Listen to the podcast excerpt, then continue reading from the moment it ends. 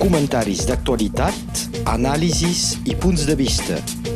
La crònica d'opinió amb l'advocat Pere Beca. Tenim amb nosaltres eh, Pere Beca, bon dia. Bon dia. Avui ens vols eh, parlar d'un dels fets noticiables de la setmana i el comportament d'un dels diputats eh, de l'ERN a, a l'Assemblea. Sí, exactament, perquè això ha provocat moltes reaccions eh, i potser el que ara intentaré d'explicar no és exactament a la mateixa línia que la majoria de la gent. Els fets quins són? Durant un discurs eh, a les preguntes al govern del dimecres d'un diputat de la França Insoumise, eh, un diputat francès, eh, nascut a França, eh, però de pell negra, aquest diputat estava parlant del tema d'un barco d'immigrats que està al Mediterrani en aquests moments, immigrats clandestins, que està al Mediterrani i que ningú vol recuperar, encara que hi hagi moltes declaracions. I al moment d'aquest discurs se sent a la televisió que un diputat del Rassemblement Nacional, després es va saber que era el senyor de Formas, va cridar, la paraula la va cridar en francès, i en francès és qu'il retourne en Afrique, és a dir, que hi pot haver ambigüitat amb el fet que el il i el retorna siguin singulars o plural. En català això no passaria perquè hauria de dir que torni o que tornin a l'Àfrica. En aquest cas hi ha un dubte si aquest diputat estava parlant del propi col·lega diputat de la França Insumisa o si estava parlant dels immigrants o del mateix barco eh, que estava portant aquesta gent. No se sap eh, si parlava de l'un o de l'altre i tanmateix la primera reacció del diputat de França Insumisa eh, no semblava una reacció molt indignada perquè només ha contestat no. Després sí que ha tingut una reacció més conforme a la condemna general, però el que dic jo com jurista, és que aquesta condemna general no em sembla conforme als principis del dret francès. Primera, aquest diputat no ha sigut condemnat eh, i que jo sapigui de moment no hi ha cap instància funcionant i ha de beneficiar de la presumpció d'innocència, cara més perquè ell denega haver dirigit-se directament al, al diputat LFI. Segona, que de totes maneres hi ha un dubte sobre de lo que ha volgut dir el mateix acusat, si parlava en singular del seu col·lega o en plural dels immigrants. I que en el dret francès el dubte ha d'aprofitar a la persona acusada. I que doncs per tant, de moment, no hi ha cap certesa, i tant com no ho reconeixerà, no hi ha cap certesa, de que hi hagi una intenció de consideració racista, perquè si el diputat de l'Assemblement Nacional només deia que la solució era que el barco mateix retornés a l'Àfrica, això no pot ser considerat com un fet racista. I estem constatant que s'agafen molts pretextos per intentar rediabolitzar el Rassemblement Nacional i que el resultat és que molta gent pren la defensa d'aquest mateix partit i que tenim les conseqüències electorals que coneixem. És que penseu que hi ha precedents, que hi ha alguna situació en la, amb la qual se podria comparar? Doncs precedents n'hi ha, ha, ha molts, perquè eh, a l'Assemblea Nacional Francesa més aviat actualment els debats són més eh, calmes que no eren a la Tercera o la Quarta República. Hi havia injúries permanents o molt freqüents, a vegades això s'acabava per duels a l'espàs, eh, fins i tot el Gaston de Ferra, que em sembla que va ser l'última, eh, doncs eh, ja veiem com el llenguatge polític s'ha normalitzat i d'alguna manera s'ha suavitzat. Jo tinc un exemple present eh, més eh, precís.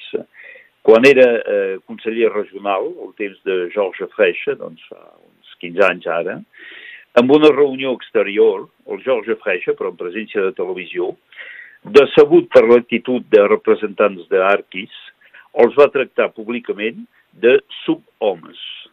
Això no va provocar molta indignació. Nosaltres, com delegació de l'oposició al Consell Regional, vàrem protestar contra aquest fet i fins i tot es va fer un incident amb una mena de dramaturgia i vam deixar l'hemicicle, però això va tenir poc ressò a la premsa, evidentment perquè només era el Consell Regional, però per tant n'era el president, el Jorge Freix en aquell moment, perquè estàvem lluny de, eh, de les televisions i de les llums de París, estaven només a Montpellier, potser també perquè George Freix en aquell moment era un responsable molt important de les esquerres, però de fet no hi ha hagut en contra de George Freix ni querella, ni cap càstig, i jo que vaig portar la contradicció a l'hemicicle en circumstàncies molt extraordinàries. George Freixa tenia el costum, eh, quan les coses que dèiem no li convenien, de tallar-nos la paraula i de tallar-nos el micro puri, físicament, pur i simplement.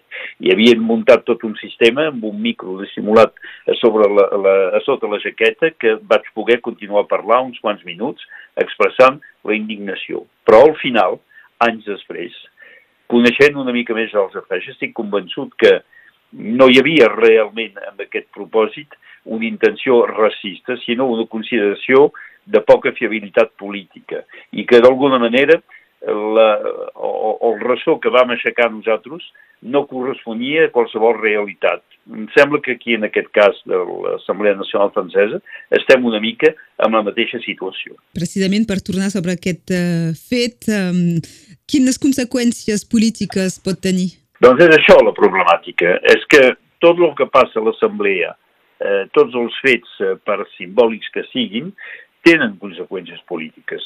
Mireu la primera, eh, les eleccions per la presidència de l'Assemblement Nacional aquest final de setmana passat, el Jordan Bardellà ha guanyat, és a dir, la línia dura de l'Assemblement Nacional, pròxima del Front Nacional anterior, però ha guanyat amb 85% de vots.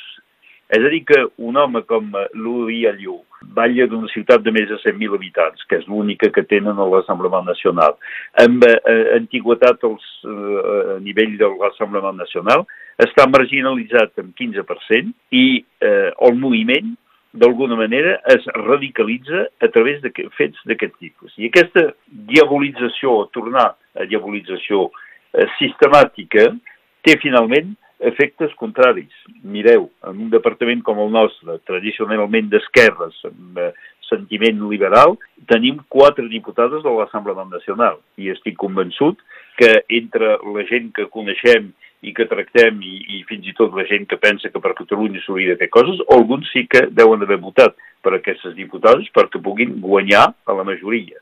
I fins i tot eh, es veu que la, la sistematització de eh, posar endavant els comportaments de l'Assemblement Nacional té el resultat polític exactament contrari del que es busca. Jo crec que la problemàtica és que els polítics actuals han de ser gent més responsables. I per ser gent més responsables han de ser, al meu parer, més pròxims de la realitat local de la realitat de les poblacions. Torno a dir que el fet que els diputats no puguin tenir cap càrrec electoral eh, de gestió a nivell local és una dolenta iniciativa perquè quan un diputat de qualsevol partit vota una cosa a l'assemblea, se'n torna a casa seu i ningú no li fa cap comentari. Quan aquest mateix diputat era batlle d'un poble o d'una ciutat, sí que tenia les relacions directament amb la seva població. I jo crec que estem constituint una casta política que passa el temps a analitzar el que diuen els uns i el que diuen els altres, que tenen poc contacte amb la realitat, i estic parlant de, de tots, que tenen poc contacte amb la realitat, l'única eh, manera per ells eh, de tenir un càrrec polític és de fer moviments a l'Assemblea. I això no em sembla gaire positiu per al funcionament del país. Estem en una democràcia en la qual s'ha d'acceptar opinions diverses. Encara que algunes d'aquestes opinions no ens agradin gens, i és el cas del Rassemblement Nacional per molta gent, no menys per mi, hem d'acceptar que això pugui existir a la seva societat i que si ho volem combatre no ho hem de denegar, ho hem de combatre amb raons, amb fets i amb coses positives. I en aquests moments no és el camí que s'agafa amb aquest tipus de dramatització de la situació. Fins aquí eh, la reacció i l'opinió al voltant d'aquest eh, fet que ha passat a l'Assemblea eh, francesa fa uns dies. Pere Beca, gràcies. Gràcies i gràcies per l'assistència. Que vagi bé. Adéu, bon dia. Adéu. Comentaris d'actualitat, anàlisis i punts de vista. La crònica d'opinió amb l'advocat Pere Beca.